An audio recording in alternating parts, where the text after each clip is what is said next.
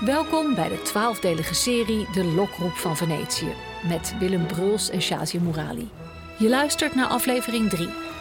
Palazzo Grimani. Opera voor iedereen. Willem, ik droomde jarenlang van Venetië en ik ben er geweest een jaar of. Ik zag alleen maar een toeristenmassa. Ik heb de stad niet gevonden, dat gevoel dat ik zo... Ga jij mij het Venetië waar ik van heb gedroomd laten vinden? Er zijn die vele toeristen en die toeristenstromen en die winkeltjes. Maar als je één steegje naar links, dan ben je eigenlijk bijna in je eentje. Als je net een beetje weet van de geschiedenis, van de muziek, van de componisten die hier geleefd dat hebben. Dat elke steen een, een, verhaal heeft en dat elk huis een verhaal heeft. moet je je vingers in dat water aan de onderkant. Daar zitten al die geheimen en al die verhalen. weet, dan wordt die stad opeens heel anders. Als ik een ander woord voor muziek zoek, kom ik altijd weer uit bij het woord Venetië. Friedrich Nietzsche. openbare operatheater is ontstaan in Venetië in de 17e En vanaf dat moment was het meteen een succes. Als een inktvlek ging het over de hele stad. In de tweede helft van die 17e eeuw waren er iets van acht of negen van verschillende families.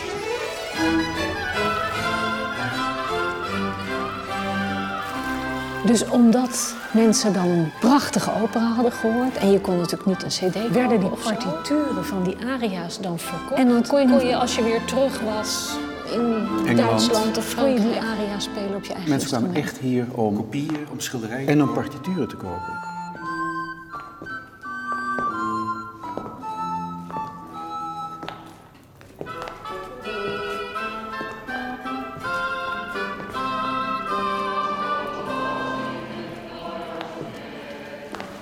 Dit is de ingang? Dit is de ingang van het, uh, een van de oudste palazzi Grimani. Palazzo Grimani alla Santa Maria Formosa. Dat is die kerk, dat pleintje waar we net langs zijn gewandeld. Ja? Uh, en waar, dit is, waar die mis aan de gang was? Waar die mis aan de gang was. En dit is niet alleen een oud Palazzo Grimani, maar dit is ook een van de vroegste renaissance palazzi in Venetië. De Grimani's hadden ook een enorme belangstelling en, en passie voor muziek. En hebben ook eh, bijgedragen aan de ontwikkeling van de muziek in Venetië. En vanaf de 17e eeuw aan de ontwikkeling van de vele theaters. De Grimani's hadden soms drie, soms vier operatheaters in hun bezit. Dat verhuurden ze als het ware aan een impresario die dat met winst moest exploiteren. Natuurlijk ging ze dan eentje failliet, maar ja, zo'n familie kon dat hebben. En dan was er weer een volgend iemand die, uh, die het mocht proberen. Maar onder andere een heel mooi theater ietsje verderop, San Giovanni e Paolo, dat helaas niet meer bestaat waar Ulisse en Popea van Monteverdi in première zijn gegaan.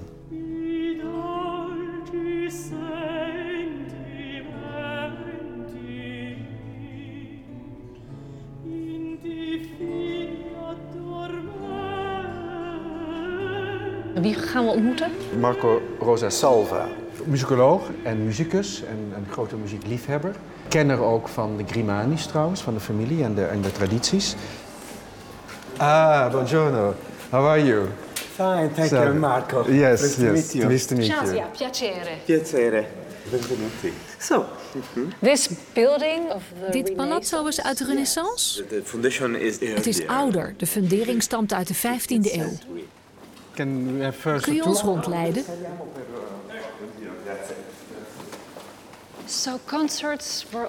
Dus hier werden al in de 17e eeuw concerten georganiseerd?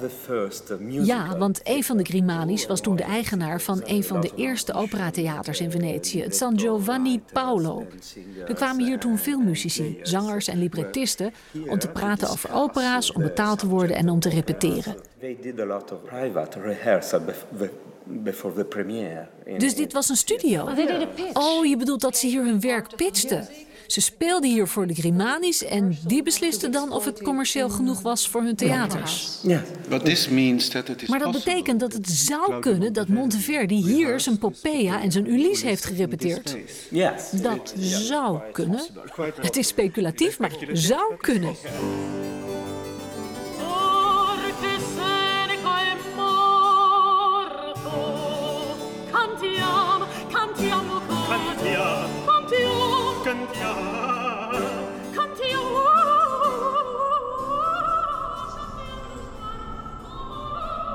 Dit gaat over um, Popea, die keizerin wordt.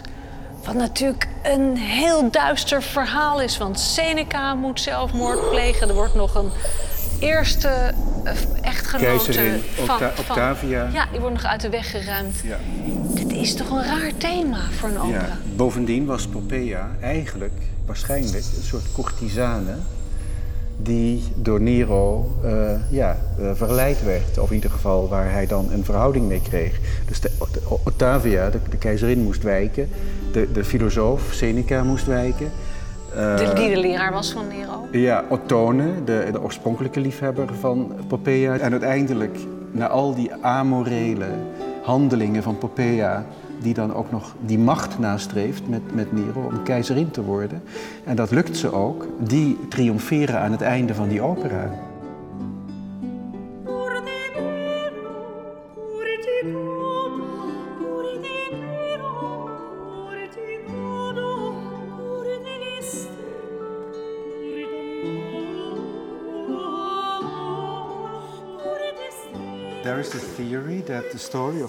Volgens sommigen levert de opera Popea kritiek op de Rooms-Katholieke Kerk.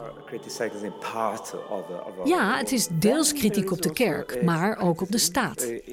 Als je de decadentie van het Romeinse Rijk toont als metafoor van katholiek Rome, is de Venetiaanse Republiek superieur.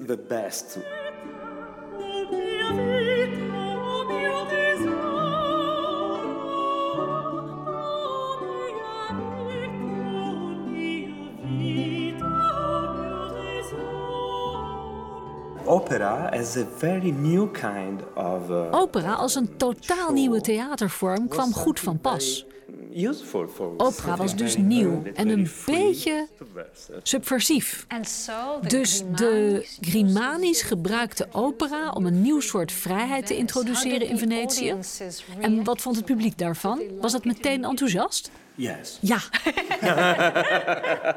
Before the Voordat in Venetië in 1637 het eerste openbare operatheater werd geopend, was opera een privé-aangelegenheid voor de koning, voor de adel. Mensen konden nu voor het eerst een kaartje kopen. Opera was nieuw en verrassend en het publiek genoot er enorm van.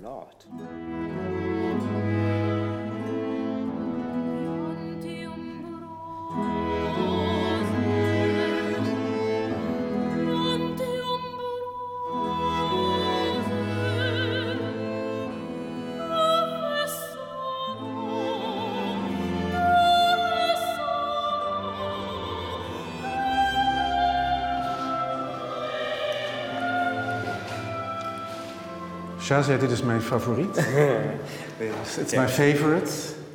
Uh, dit is een verhaal van Callisto. En Callisto was een nimf in het, in het hof van Diana.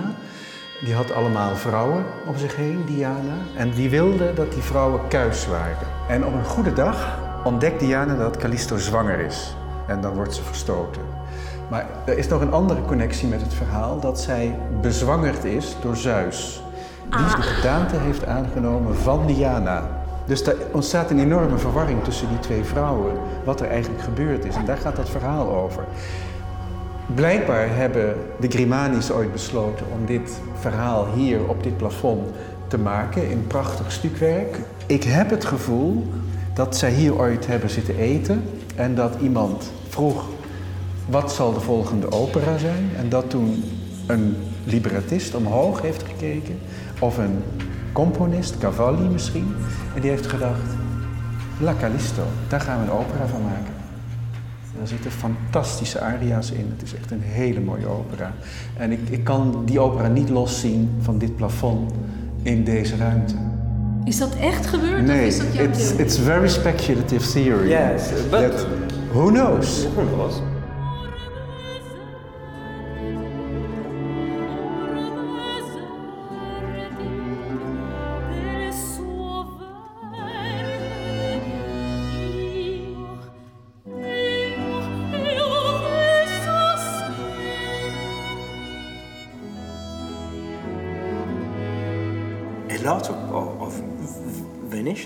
Veel Venetiaanse muziek werd gemaakt door mensen die ergens anders vandaan kwamen om hier hun geld te verdienen, net als Monteverdi. Venetiaanse muziek is een interessante mix van allerlei ingrediënten. Net als alles hier eigenlijk. What is your most wat is de belangrijkste fonds die je in dit Palazzo Grimani hebt gedaan? Grimani Palazzo. Bijvoorbeeld manuscripten van opera-aria's die werden gezongen in de Grimani-theaters, bewerkt voor blokfluit. Dit soort dingen gebeurden vaak. Opera was zo belangrijk dat mensen graag een souvenir wilden hebben van de laatste aria. Het is muziek met een vocale virtuositeit in de transcriptie voor blokfluit. Mijn instrument.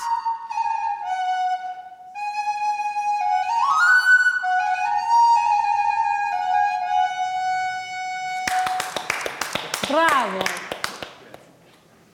This old music and Je blijft deze oude muziek spelen en er les in geven. Is het jouw missie om Venetië te behouden? Dat is inderdaad onze missie. We kunnen niet anders. Dit is onze stad. Ik ben hier geboren en ik zou het heel moeilijk vinden om ergens anders te wonen. We proberen onderzoek te doen naar muziek die verdwijnt of dreigt te verdwijnen. Het lijkt een beetje op het restaureren van gebouwen in Venetië. Neem bijvoorbeeld de mensen die dit palazzo hebben gerestaureerd. Dit palazzo is bijna verloren gegaan. Het is eerst bijna een eeuw gesloten geweest en toen heeft het bijna 30 jaar gekost om het op te knappen. Als ik eerlijk ben, we verliezen ook veel. Aan kunst, maar vooral ook de ziel van de stad. Het is geen gemakkelijke tijd voor ons. Venetië verdwijnt langzaam. Er wonen nog maar heel weinig Venetianen in de stad. Het zijn niet de belangrijke monumenten die verdwijnen, de San Marco en de Rialtobrug, maar juist de kleine dingen. Winkels worden bijvoorbeeld toeristenwinkels. Het voelt niet meer als een echte stad. I think we both wish you all the luck and I think we're both equally Ik denk dat we allebei geraakt zijn door je engagement en we wensen je het allerbeste. Thank you very much. Mille grazie.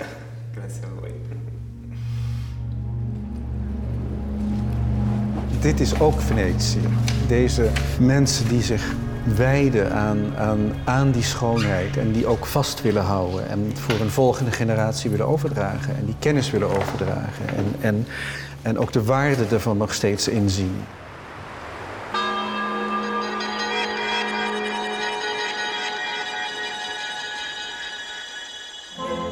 In de volgende aflevering bezoeken Willem Bruls en ik de Vivaldi-kerk Santa Maria della Pietà.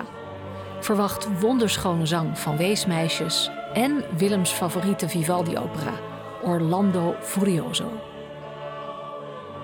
Dit was de derde aflevering van de twaalfdelige serie De Lokroep van Venetië met Willem Bruls en Shazia Murali.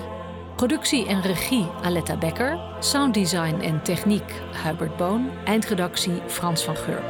En deze co-productie van NTR en Aletta Becker Producties kwam tot stand met steun van NPO Radio 4 en het NPO Fonds.